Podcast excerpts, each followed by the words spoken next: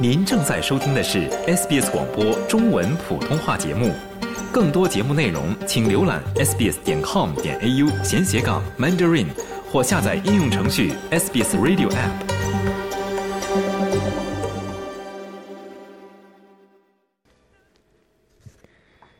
听众朋友们，大家好，欢迎您收听 SBS 广播中文普通话节目。现在是澳大利亚东部时间早上八点二十一分。在开始这一段节目，我为您大家预告一下今天的现场说法节目内容。在今天，我们想与您分享的是，在澳大利亚被追债，您应该怎么办？我们今天也邀请到本节目的嘉宾奥斯劳奥和绿业管理合伙人林慧明律师。林律师，你好。早上好，浩飞，听众朋友们好。哎，非常感谢您做客我们的节目。我们今天呢，想与大家分享的是，在澳大利亚被债务追、被代代位追偿应该怎么办。首先，想与您与听众朋友们分享的是两个案例。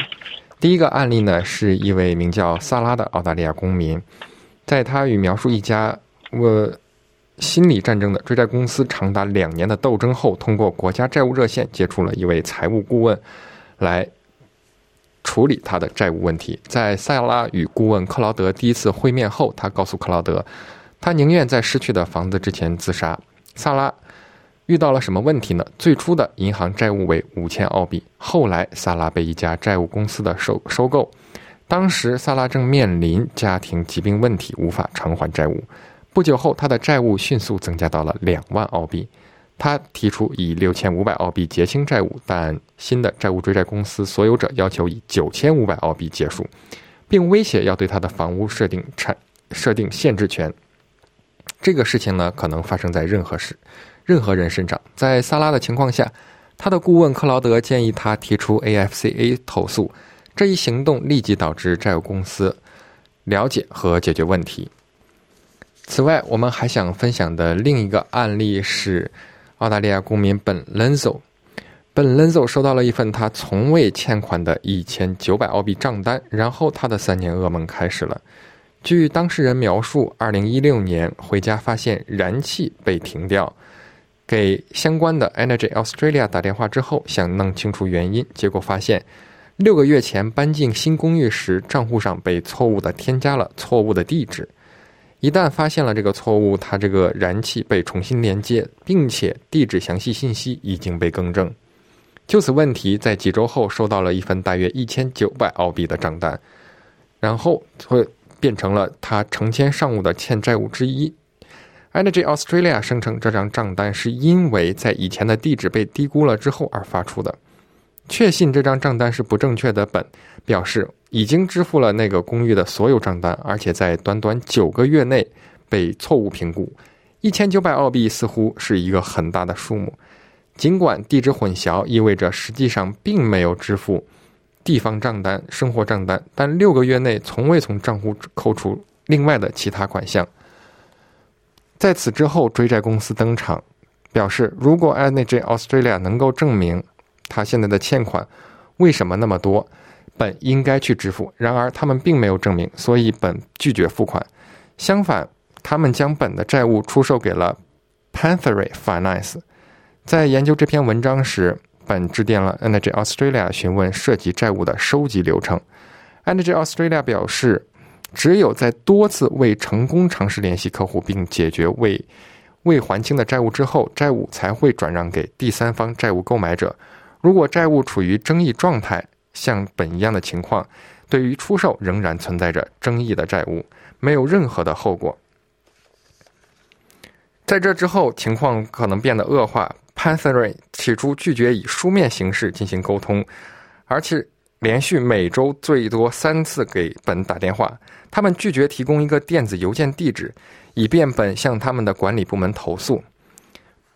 Panthery 对本的名字发出了违约信用记录，本的信用评级从优秀下降到了不及格，并且触发了信用卡额度的自动降低。当本联系金融调解服务 FOS 投诉 Pathery 债务收集做法时，他们无法采取行动，直到 Energy Water on Energy Water Ombudsman 确定了债务的合法性与否。本不确定。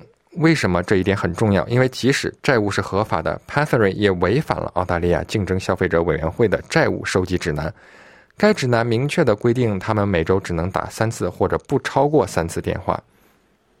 那么遇到了这样的情况，根据 AFCA 传媒经理麦迪逊·洛维尔的说法，AFCA 在2018年11月至2019年10月初集中解决的投诉中有百分之七十是通过协议或有利于投诉人的方式解决的。本项金融调解服务 FOS 和澳大利亚金融投诉机构 AFCA 投诉。包括通话记录显示 p a t h r y 连续数周每次打额外超过三次的电话 p a t h r y 承认了这一点，但声称他们是因为多笔债务而给本打电话，而且并没有透露这一点，误导了 FOS。那么，关于这样的案例以及听众朋友们身边的案例，在澳大利亚，您如果遇到了债务问题以及被出售给第三方债务公司代为追偿，应该怎么办？我们现在邀请律师来为我们讲解，被债务公被债务公司联系应该怎么办呢？嗯，谢谢浩飞。您刚才讲的两个案例啊，我相信呃，可能有不少的听众朋友们也有遇到。哎，可能一开始是一张很小的账单，或特别是跟一些我们的呃公用事公用事业提供商的一些账单，比如说电话、水啊、能源啊等等。嗯，那有时候呢，可能是我们已经支付了。但是呢，呃，账一下子没过去，或者账又弹回来了，我没发现。有时候呢，可能确实是遗漏了，或者搬家之类的。我想这种情况大家实然都会发生。嗯。那么，呃，如果有一种情况是，哎，我们现在真的呃经济比较困难，那这种情况下呢，我会建议朋友们、听众朋友们说，我们直面这个问题，并且跟公用事业的提供商啊去沟通这个问题。直接告诉他说，我们现在支付能力有限，我们要求去定制一个付款计划，或者我们要求一个延期，并且呢，我们要免除这个滞纳金，或者呢，我们要求他们提供一些信息给到我们，来帮助我们去申请一些政府的优惠啊，或者补贴计划等等。那么还有一种情况呢，是我们可能可以选择更合适我们的一些套餐 plan。或者更加呃实惠的套餐 plan，在这个比较经济困难的这个时间段的话，我们可以要求公用事业提供商啊去降低或者重新 review，重新去选择一个合适的 plan。但是千万不要说我们一直就拖着不付，不去直接的面对它。如果是有意这么会去做的话，并且也不跟呃公用事业的提供商或者我们的债权人去联系，或者不回应他们的任何信息的话，那么确实有可能像您说的，会产生一个。债债债的一个转让，也是代为求偿的这么一个事件的发生。嗯，这时候债务追债公司啊就会跟我们联系了。嗯，那他们会做些什么呢？他们呢可能会给我们打电话，可能会给我们发邮箱，甚至啊，他们有可能会在我们的社交媒体，比如说 Facebook、Ins 啊、呃微信啊上面去尝试联系我们，给到我们这样信，因为他们怕他们的邮件我们没看到。所以他们会用这样的方式来做出一些书面或电话的联系。那再呃再进一步呢，他们甚至可能会安排面对面的上访。那面对面的上访有什么相关的要求或规则呢？对，这时候大家一定要注意。首先呢，大家不用怕，不是说他们会带着油漆来，带着什么危险武器来，这方面大家不用担心自己的人身安全。但是呢，大家也要有一个比较好的一些技巧或者规则要知道，来更好的去面对它。如果他们到了到了我们一个场所，呃，有两种比较常见。第一种是我们的住房，无论是我们买的，还是我们租的；第二种呢是我们的这个工作场所。那么一直建议客户，如果遇到这样的问题，工作地点一定要是最后的选择。嗯，我们建议选择一个公共场所，比如说咖啡厅、麦当劳啊这样一定的公共场所有一次这个沟通，而非在我们自己的。私人场所、公共，我们自己的工作地点一定要往后，以免影响正常的客户或者同事工作关系。那么，如果他们是擅自擅自来访，并且进入了我们家的这个后花园或者公寓当中，我们可以要求他们立即离开，并且我们可以跟他们说：“OK，我可以在十五分钟后或者明天的什么时候，在隔壁的那家咖啡厅跟他见面。”嗯，但如果他们采取了相对暴力，甚或者不是暴力，但是让我们不舒服的一些行为，我们就可以要求他马上报警，因为我们觉得不舒服。我们我们可能是有一笔债务，但是那是民事关系，民事关系一样不影响我们任何的人身安全的这个保障。所以大家不要以为说哦债债主来了，我们就就就他们可以给我们一定威胁，让我们不舒服，我们就忍了。呃，绝对不可以，一定要有不舒服的话，我们还是可以报警。那像这种情况，此外呢，这个可能并不是真正的属于你的债务。像我们刚才第二个案例中提到，本是被人嫁接以及混淆了地址，搞错了债务。遇到这种身份被他人盗用，该如何处理呢？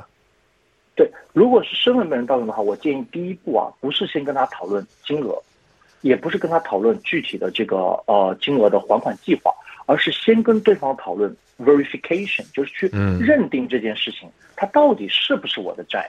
他说的这个事件是不是发生在我身上啊？或许这样的账单压根就是隔壁邻居的，不是我的呢。所以大家记得，第一步永远都是先 verify。而且现在有很多的网络诈骗嘛，我们更要 verify 对方到底是不是真实的。呃，这个呃，债权人委托的这个追债公司，这方面也要去 verify。verify 两点总结一下：第一点，他们是不是有权利去追我们；第二点，他们是不是追对了人。嗯，那除此之外呢，在追债方面，追债公司代位追偿的诉讼时效在澳大利亚是多长时间呢？嗯，呃，每个州呢会些许的有些不同。那么通常呢是有六年的时间啊来追讨债务的。如果我们在我们的债务上支付或者书面承认的欠款时间已经超过了六年，这里注意一下，北领地是三年。那么，并且呢，追债公司啊或者债权人并没有关于这个债务的判决，那么这时候呢，我们就有一个程序上的抗辩权了。这个我们把它称为叫时效债务，因为你的时间过了，你也不来追，那对不起，我的这个这个时间就过了。但是有有几个例外啊，比如说一个跟房地产抵押有关和。汽车抵押有关，这些的时长呢会比较长，在维州呢有十五年的时效，其他州呢分别是十二年的时效。就是说，银行来追根地呃那个房产抵押或者汽产抵押有关的话，那么就会从三年到六年变成了十二年到五年。嗯，感谢感谢林律师为我们的耐心讲解，听众朋友们，听众朋友们欢迎回来，欢迎您继续收听每周二早上的现场说法听众节目热线。在刚才的热线中，律师从案例出发，为我们详细了解了在澳大利亚被追偿债务应该怎么办。下面我们来接听听众电话。第一位是李先生，李先生你好。啊，主持人早，啊，林律师早，可以听见我吗？哎，可以听到。啊，对，我想帮朋友咨询一个问题，那个就是朋友现在是离婚状态。然后法院的那个离婚的 order 已经拿到了，但是 parenting 跟 property settlement 都没有做。然后现在是前期只是想做 property settlement，但是不想做 parenting。那你说像这种情况，呃，怎么办？然后如果选择不做，就是如果不做 parenting 也不做 property settlement 的话，那这个往后一直拖着。呃，比如说，他会说这个你要提供什么 financial disclosure 啊这些东西，如果不提供，有什么后果吗？还是说，呃，他如果不去法院有什么后果吗？或者说其他的一些，如果如果拖着不去做有什么后果？但是如果要去做的话，光做呃 property settlement 但不做这个 parenting 可以，就这样做合有效吗？合理吗？还是说要做就都做，要不就都不做？好的，就想问这个问题。谢谢李先生您的问题。您的问题呢涉及到这个家庭法的问题。家庭法下面主要有三项，分别是呃离婚关系、抚养关系，还有这个财产关系。您刚才讲到已经拿到了这个离婚判令，那么要注意呢是以下几点。第一点呢是，呃离婚判令下来一年内呢，原则上是要提起这个财产分割的这个主张的。那提起之后，如果另一方迟迟不回应，那么这时候呢，呃。提起的那方可以主张两点：第一点，主张就他提起的证据而单方面依赖于这个证据做出可能会有不利于这个回应方，因为回应方没有提供证据嘛，可能类似于缺席判决，来做出不利于不提供证据那方的判决，这是可能比较注意的第一点。第二点，如果另一方迟迟不回应也不揭露，那这样的情况呢，有可能呢，主张的那一方呢也会提出说诉讼的费用。由另一方去大部分支付，因为另一方对于整个司法程序还有司法成本造成了很大的拖延跟浪费，所以在一年离婚证书拿到之后一年之内呢是可以提起来的。如果提起来之后另一方迟迟不回应，那他可能会面临我们刚才说的两点的这个呃可能的后果，这是第一点您要注意的。第二点，那么呃在抚养关系当中。可以就没有书面的一些达成，因为可能还在很小，还有十八年，或者在未来几年之后，这样的抚养的计划呢又会变化。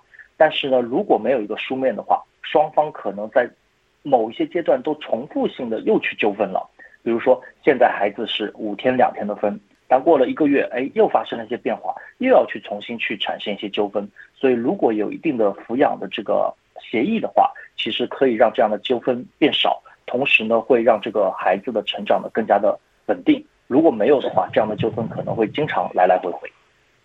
对，现在是这个问题，就是完全不让看，孩子完全不让看，也不让这个男方的这个爷爷奶奶看，都不让看，就是完全不让看。然后就提出那种说必须要净身出户才让你看，这种非常非常无理的这种这种要求。对，理解。那这里我们延伸一下，这样的做法呢是肯定不对的，因为。看望孩子、抚养孩子，它是一个法定权利，它更是一个法定义务，所以它更不能跟财产挂钩，说财产怎么怎么样就跟孩子怎么样，完全不能这样的。他如果有这样的主张，您也收到了这样的书面的对方的主张啊，那您反而可以就这样的对方的错误的这个主张，并且让您让呃您的朋友去远离孩子的话，这样的这个呃情况，现实情况的话，直接求提高。那在抚养关系上就这样的主张，他我认为是有非常大的。法律基础去获得对于孩子的探望权的。嗯，谢谢律师，也谢谢李先生的咨询。我们时间关系要接听下一位听众了，谢谢您的咨询。下一位是陈先生，陈先生您好。喂，你好。你好。哎，是我啊，是陈陈女士。陈女士。哎，陈女士，哎，你好。你好，我想咨询的这个问题，可能嗯，不是关于债呃。债权，我是债权人，我呢已经拿到法律的这个 order 了，嗯，然后呢，呃，我的我的我的租客呢，他欠我的房子，呃，但是他因为之前缺席这个法庭，所以法律就就作为他，呃，缺席呢给出了判决，order 也拿到了。那现在的问题就是说我我知道他住在哪里，我也尝试了这个呃发那个 oral 呃 examination。但是呢，他就是不出来接，他就是刻意的 avoid。那么我呢，现在看到是不是我可以去走这个，啊，substituted 这个那个替代的这个递交方式啊？然后我接下去准备要走这一步，我想问一下，如果他继续啊，继续就是装作 avoid，呃，不出来接我这个嗯 form。啊，我后面还有什么手手段可以跟进？通常这个时时间是多久？嗯嗯，好的，谢谢您的问题。那您还可以尝试以下几种送达方式啊。呃，替代送达，您刚才说的替代送达之前，我们要先满足法律上讲的好几种送达方式，我们都尝试过了，并且我们相信这种方式呢是能送达给他的。因为他对我都尝试过了，我去过他当当地的住所，他他的人也在里面，然后我那个 process service 的人也证明他就是在里面，但是他就是不出来，那我也没有办法。嗯嗯，我理解。那么在替代送达之前，已经尝试过这些方式的话，就可以去申请替代送达的这个申请书，让法院相信我们已经做过这种方式，并且已经合这方式是能合理的送达给他，但他就拒收，是他主观的拒收，而不是客观不能。在这种情况下，是很有可能替代送达会生效的。那么，替代送达之前的那些方式，可能还有些什么呢？除了您可能自己或者让人去面对面的这个送达，这叫个人送达之外，还有可以有电子送达，包括这个邮箱，包括有这个短信，包括有社交媒体等，还有邮寄等等，这些方式都可以成为成为您替代送达之前的一些尝试的送达内容。如果这些都试过了，然后呃，并且呢也有证据，并且附上证据。附上证据说，哎，他确实是在那边的，而且他确实在那个场所生活跟工作的。那这种情况下，您的替代送达是有非常大的几率可以被批下来的。那替代送达一旦被批下来了，我们就可以用替代送达里的方式就完成了送达。那后续的拿到这个判令啊或者执行啊，就可以依赖于这种送达方式完成就可以了，就不怕他在。那就是，对，就是问题，就是我觉得现在这个强制执行在澳洲，我觉得这个非常缺失，很慢，时间很久。我找他已经找了将近一年了，现在也就证明他在里面，但是我不知道这个最后这个强制执行大概会是，比方说你说你所谓的这个替代送达已经生效，那后面呃，对于对于法律来说，法庭来说，他认为生效以后，他可能会会采取哪些方式来维护我的权益？有没有可能让呃警察？呃，或者是呃第三方的这个权力机构介入，然后以确保我的权利能够得到伸张。嗯，是的，会有类似的执行官介入的。那这样的执行官介入的时候，可能会就他名下的一些资产，做出这个强制的一些行为来偿还您的债务。如果他是有恶意的这种嗯拖延或者恶意的这种躲呃躲避的话，那可能还会产生产生额外的这个费用。那如果您有产生额外的费用啊，你也可以尝试去主张。好的，那我想谢谢律师的解答。呃，由于时间关系，我们稍作休息，回来以后继续接听听众电话。好的，谢谢。下一位是刘先生，刘先生你好，哎，哎，林律师好，我我想问一下，就是说我不知道什么机构啊来我家里检查那个烟雾警报器，我也按照约定的时间开了门，跟他说我现在正在联系人张这个，但是不久我收收到一张罚单。他说我没有开门，没有接待他，钱虽然不是很多，但是好像很窝囊。我的意思就是，我想问问，像这种情况，我应该去哪里投诉？嗯，好的，谢谢您的问题，刘先生。呃，我想第一步啊，还是去认证这个账单是来自于正确的这个事业单位部门。您刚才说来检查这个烟雾报警系统，并且能出具账单，那很有可能是那个消防部。所以呢，您可以先。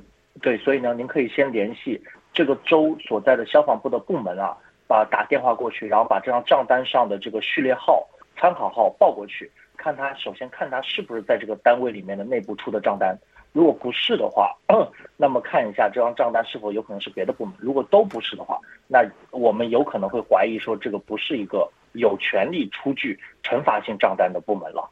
哦，我这个单单是是是是 s t 给我的。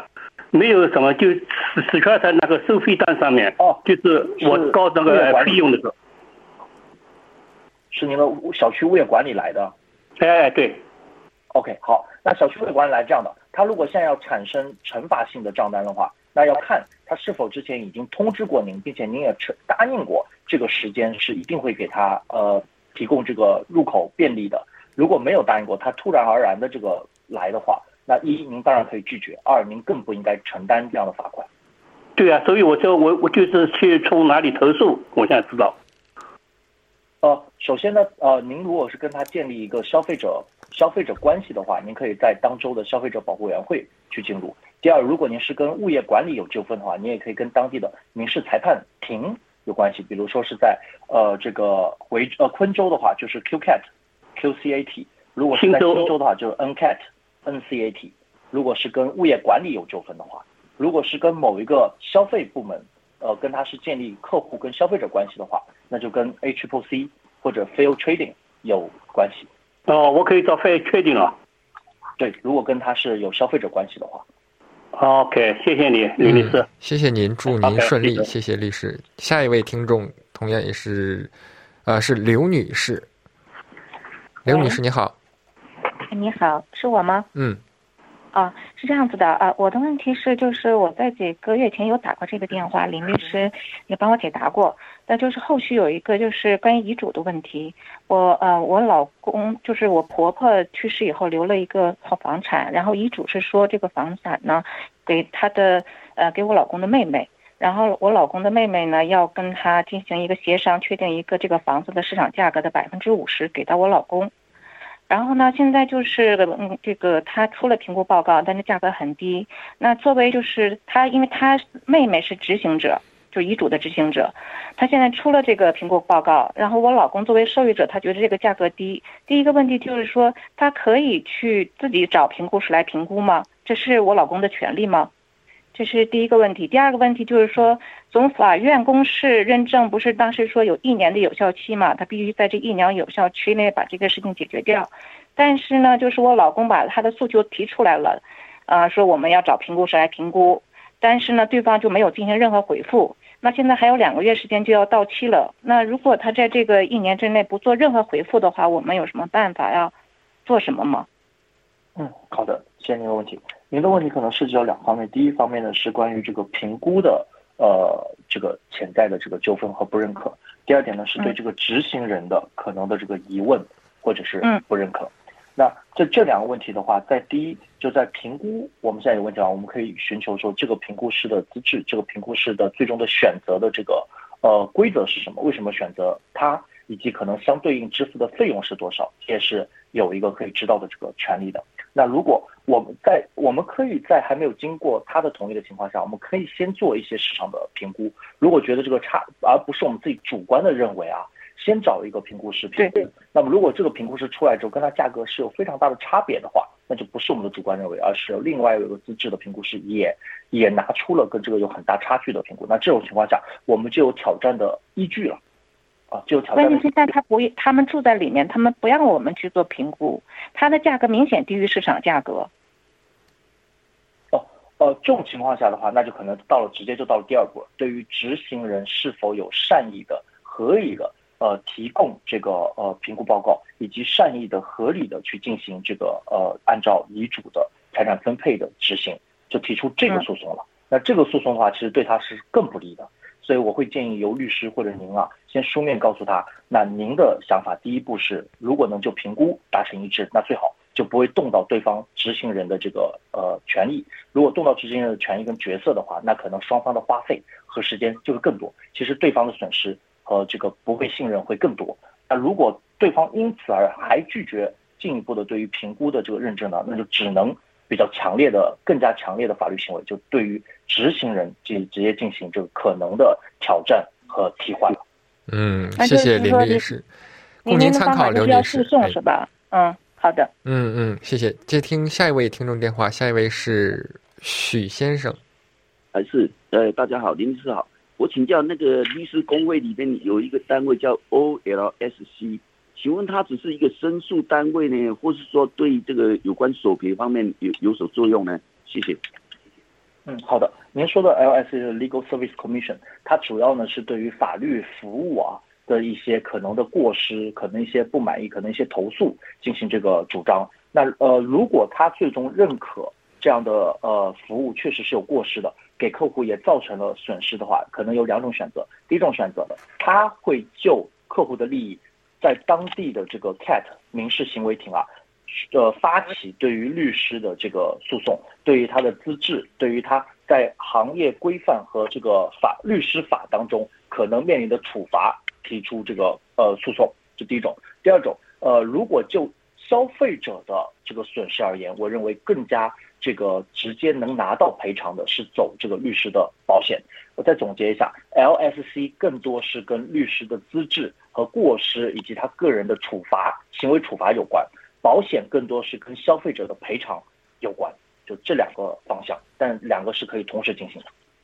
但是呢，找保险的话，哈，现在讲我的律师啊，他已经错了，他承认说，哎，只要我的律现在的律师写信给他，他会找他的专业保险出来理赔。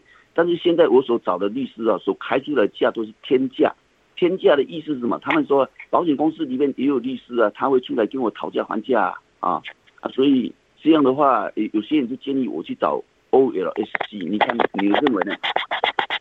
如果对方确实存在过失的话，您应该去联系 LSC 来保障自己的权利，而且 LSC 呢会就。他的律师资质啊，给予一定的这个呃 review 跟这个审阅，看他是否这样的过失会到达要去停牌的这种可能，所以这样的法律行为呢是非常的强烈的这样的投诉行为。嗯，谢谢林律师，供您参考，徐先生。嗯，下一位热线听众洪先生，您好，洪先生。你好，主持人。啊，林律师，我想咨询一个关于呃呃我在工作中犯了一些错误，然后。呃，公司开始了一些调查，然后目前来说，他们给我了两项指控。我的问题是，嗯，什么时候去呃行业协会或者是寻求法律帮助呢？是比如说我收到了 allegation 一个 letter 以后，啊，去寻找，还是等到最终他们公司出了处罚结果以后，我才去找律师会比较好呢？嗯，我会建议再提前一点啊，就是当您觉得他们已经在调查的时候，其实您就可以寻求相关的协会或者是所在的工会去寻求一定的这个援助了，因为那些协会处理也是需要蛮长的这个时间的，不然的话会整个后置，就对方发了 allegation letter 或发了 warning 或发了 penalty 或发了什么什么之呃之后，然后那边才启动的话，可能 给予回应的天数会不够，嗯，所以好的，那我会建议还是要前置去处理。嗯 allegation letter 以后或后面会会不会就是处罚的结果？下一步，嗯，有可能。如果您是有跟资质相关的话，他们也可能会把这样的行为报到相关的这个资质协会，让资质协会介入去重审这个这个职业者的资质。嗯，还有一个关于呃车子方面的问题，我这个呃停在路边的车被人撞了，然后他们也没有这个留任何的信息，然后我现在怀疑是其中一个人，然后我、嗯、感谢您的参与，洪先生。由于时间关系，今天的节目要和您说再见了。个人情况因人而异，法律问题复杂，本节目仅供一般性参考，并无意提供任何个案法律建议。具体法律纠纷，请您咨询专业律师。感谢您在清晨的陪伴，明天同一时间准时与您相约。